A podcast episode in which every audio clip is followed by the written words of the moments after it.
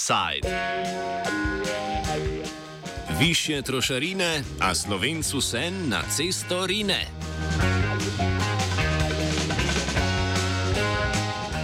Odhajajoča vlada Jane Zajanše je po izteku regulacije cen pogonskih goriv, ki je veljala od 15. marca do konca aprila letos, na pobudo prevoznikov in obrtne zbornice Slovenije te včeraj ponovno omejila. Najvišjo veleprodajno ceno neosvinčenega 95-oktanskega benzina je vlada na včerajšnji dopisni seji določila pri 1,540 evra. Za liter dizla je cena v veleprodaji regulirana pri 1,648 evra.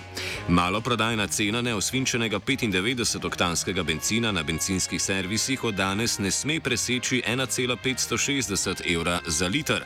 Najvišja dovoljena cena za liter dizla pa je 1,668 evra.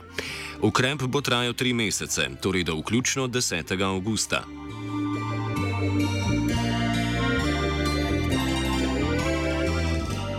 To je že druga uvedba regulacije cen v tem letu, potem ko je tretja vlada Jane Zajanše leta 2020 v času izredno nizkih cen nafte regulacijo pogonskih goriv ukinila. 15. marca je vlada prvič ponovno začasno začela regulirati cene, kar se je končalo začetkom meseca maja. Prva zamrznitev cen se je zgodila pri evru in pol za liter benzina in 4 centih več za liter dizla. Ko so se cene sprostile, so se dvignile za približno 15 odstotkov pri benzinu in 20 pri dizlu. Zadnjič so vsi 2,5 ponudniki pogonskih goriv, to so Petrol, OMV in MOL, složno, a kot zagotavljajo nekoordinirano, cene dvignili včeraj zjutraj, torej nekaj ur pred nepričakovano vladno uredbo.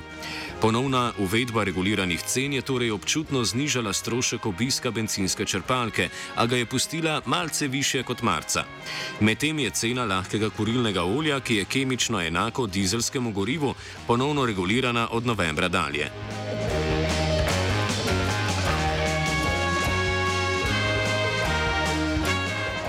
Cene nafte na reprezentativnih indeksih, za Evropo je najbolj relevanten indeks severnomorske nafte Brent, so trenutno malce nad 100 dolarji za 159 litrski sod. To je primerljivo ali celo nekoliko nižje od cen, ki so veljale med letoma 2011 in 2014. Rekordnih skoraj 150 dolarjev za sod pa je nafta dosegla tik pred globalno finančno krizo leta 2008. A k tokratnim visokim cenam v Evropi svoje doda tudi močan menjalni tečaj Amerike ameriškega dolarja z evrom. Izražena v evrih je cena. Nafte rekordna. Še bolj izrazite pa so visoke cene srednje težkih derivatov. To so dizelsko gorivo, kerozin in kurilno olje. Povpraševanje po teh derivatih, ki so v procesu rafiniranja med seboj podobni, je veliko, naprimer zaradi postkoronsko povečanega letalskega prometa. Hkrati je dizel tudi derivat, ki ga Evropa v večjem deležu kot druge uvaža iz Rusije. Maloprodajno ceno posameznih naftnih derivatov določa več dejavnikov, pojasnjuje Rok Spruk, profesor makroekonomije na Ekonomski fakulteti Univerze v Ljubljani. Na eni strani a, pri, je pri visu določeni maloprodajne cene ključna, ključni dve stvari. Se pravi, na eni strani a, trošarina, ki jo določi država, na drugi strani pa seveda pač sama tržna cena pogonskega goriva. Ne. Zdaj, tržna cena je na, ne, na eni strani odvisna od kratkoročne razpoložljive ponudbe ne, in na drugi strani od same pač eh, cenovne elastičnosti povpraševanja po, po pogonskih gorivih. Cene pogonskih goriv, ki jih točimo v naše jeklene koničke, so v Evropi prepuščene državni regulaciji, torej odvisne od obdavčitve. Šele na to svoj pisker pristavijo maloprodajni veletrgovci. Pojasnjuje Igor Dekanič z rudarsko-geološko naftne fakultete Univerze v Zagrebu. Cena sirove nafte plus sva, sav transport plus sva prerada otprilike 40 posto maloprodajne cijene. 60 posto maloprodajne cijene kod svih europskih zemalja, tu, nije, tu nisu ni Hrvatska ni Slovenija izuzetak, nego pravilo, neko ima posto više, neko manje, ali otprilike 60% maloprodajne cijene su porezi država u različitom obliku. Prema tome, nafta je do sada bila jako oporezovana roba, i zapravo najveći pri, prihod od svake prodane litre imala je država. Podoben trend, kot smo mu priča trenutno, se je prvič pojavil leta 1973, ko je velik del zahodnega sveta zaradi politično spodbojenega embarga izvoznic nafte doživel prvo veliko naftno krizo. Zahodne družbe in gospodarstva so doživela precejšen šok, ki je imel dolgoročne posledice. Prvi put se počelo pitati 70. godina i 80. kad je cijena nafte znatno poskupjela. E sad kad je došla ova najnovija naftna kriza, koja je došla kao posljedica post-covid porasta potražnje i onda e, invazije Rusije na Ukrajinu i kad je eskalirala kriza, energetska kriza u obliku skoka cijena skoro kao 73. 74. onda su svi počeli se zanimati sa analizom strukture cijena i ko, ko najviše ima koristi, a ko štete od svega. Štete imaju očigledno građani i gospodarstvo, a koristi uz zemlje koje će recimo biti alternativne e, pravci dobave u slučaju uh, uspjeha embarga prema Rusiji. Dakle, osim njih, koristici imaju i države, jer države imaju visok prihod od toga. Zbog toga države, smanjujući poreze, pokušavaju smanjiti pritisak na krajnje potrošače.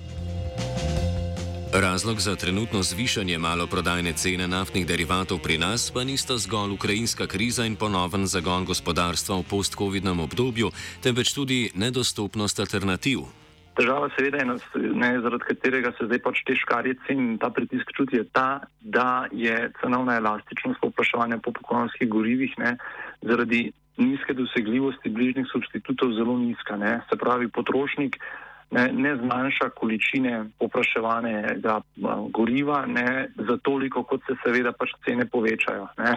Na kratek rok to seveda pomeni hud pritisk pri cenah na vzgor, ne, zelo verjetno tudi pospešek inflacije, ne, iz katerega pač uh, odsevajo in razkrivajo makroekonomske projekcije. Ne. Druga stvar je pa seveda tudi, seveda, oziroma ne druga, tretja stvar so pa seveda tudi pač raven same konkurence v panogi. Ne.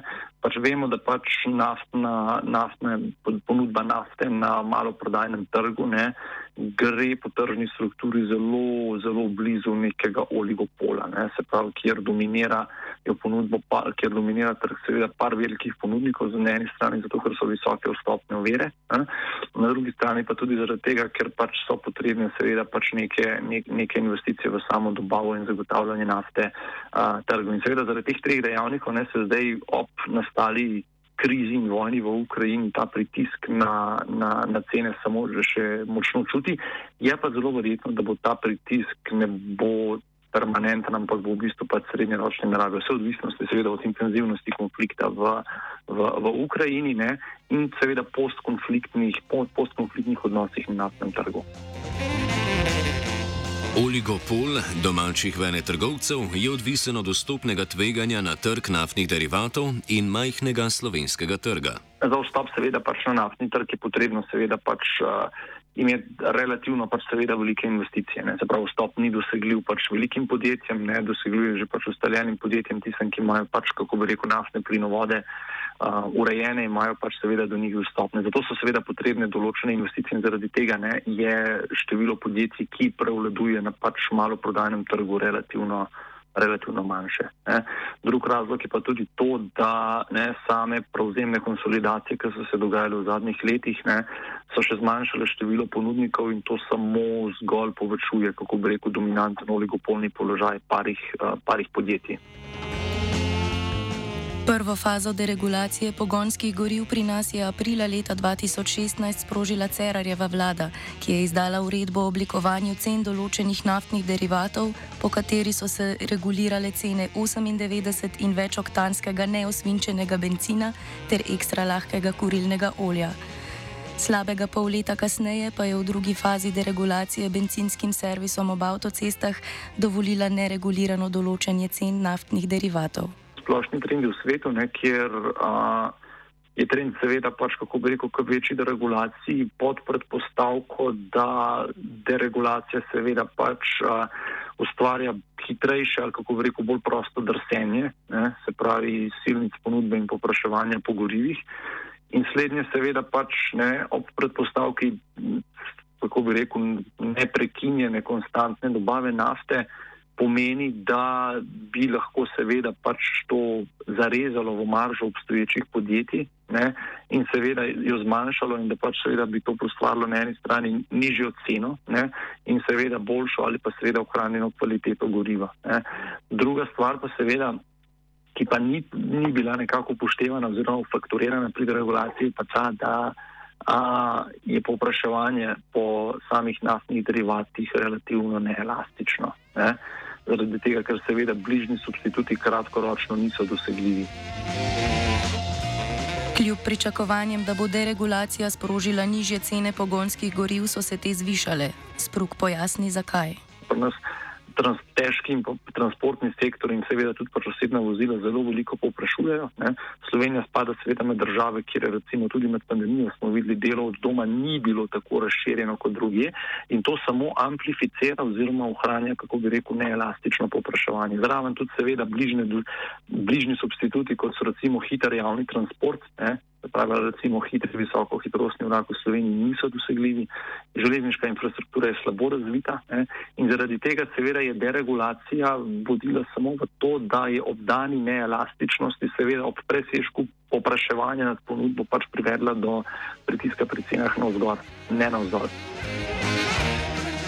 Trenutne visoke cene pogonskih goriv pa lahko pripišemo tudi vedenju potrošnikov. Odvisnost od nafte se pa seveda tudi prične pri tem, da pač se potrošniki začnejo obnašati drugače. Ja? Uh, in seveda vprašanje je, seveda, kako bi pa to zmanjšali. Ne, tudi videli smo, ne, uh, istočasno, ne pač veste, zelo, zelo istočasno tudi vidimo v Sloveniji zelo veliko, zelo veliko porast zasebnih gradov, zelo vel, veliko porast, se pravi, osebnih vozil. Uh, na 100 ali pa na 1000 prebivalcev. Veste, to so vsi faktori, ki na koncu dneva en po en, malo po malo, dotrujejo k temu, da je seveda pritisk pri cenah na vzgor zdaj takšen, kakršen je. Offside sta pripravila Dugi in Gal.